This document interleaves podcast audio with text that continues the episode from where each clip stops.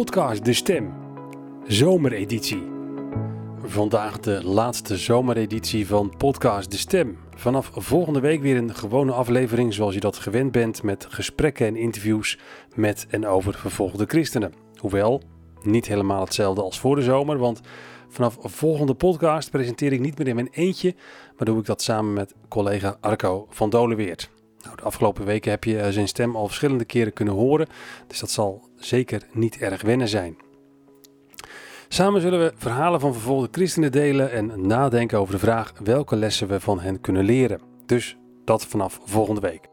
En uh, zelfs toen ik werd geslagen, had ik echt zo'n vreugde van binnen van dit is het. Ze mogen me alles afnemen, maar dit kunnen ze me niet meer afnemen. Vandaag de laatste column van Arco waarin hij je meeneemt naar Nigeria. Wat ik dacht toen is dat uh, uh, als ik lieg, dan verlies ik mijn eeuwige toekomst.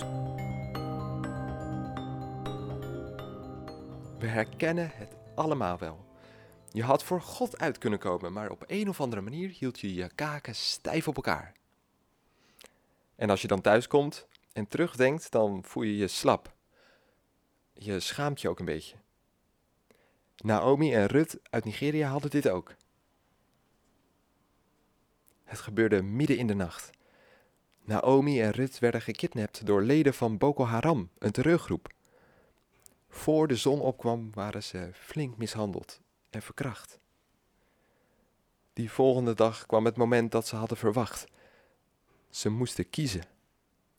Als je christen wil blijven, dan mag dat, riep de aanvoerder.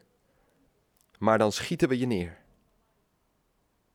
Toen het geweer op hen werd gericht, grepen Naomi en Rut de laatste reddingsmogelijkheid die ze zagen. Ze spraken de islamitische geloofsbeleidenis na en ze waren vrij. Bevend, schichtig keerden ze terug naar huis. Beladen met een schaamte en een schuldgevoel van heb ik jou daar. Ze waren vrij, ja dat was zo. Maar ze hadden hun Heer verlogend. Ze konden zichzelf niet meer vergeven. Laat staan dat een ander dat kon. Toen mijn collega's deze twee vrouwen bezochten, staarden Naomi en Rut naar de grond. Mijn collega's vroegen om een schaal met water. Liefdevol wasten ze de voeten van beide christenvrouwen. En ondertussen vertelden ze over de vergeving van Christus. Ze vertelden over hoe hij naar Petrus had gekeken. Zijn liefdevolle blik was zichtbaar in dat Nigeriaanse huisje. Schaamte veranderde in blijdschap. Blijdschap over genade. Die genade geldt ook als wij de mist ingaan. Deze Jezus was het die de melaatse aanraakte en zei: Ik wil, word gereinigd.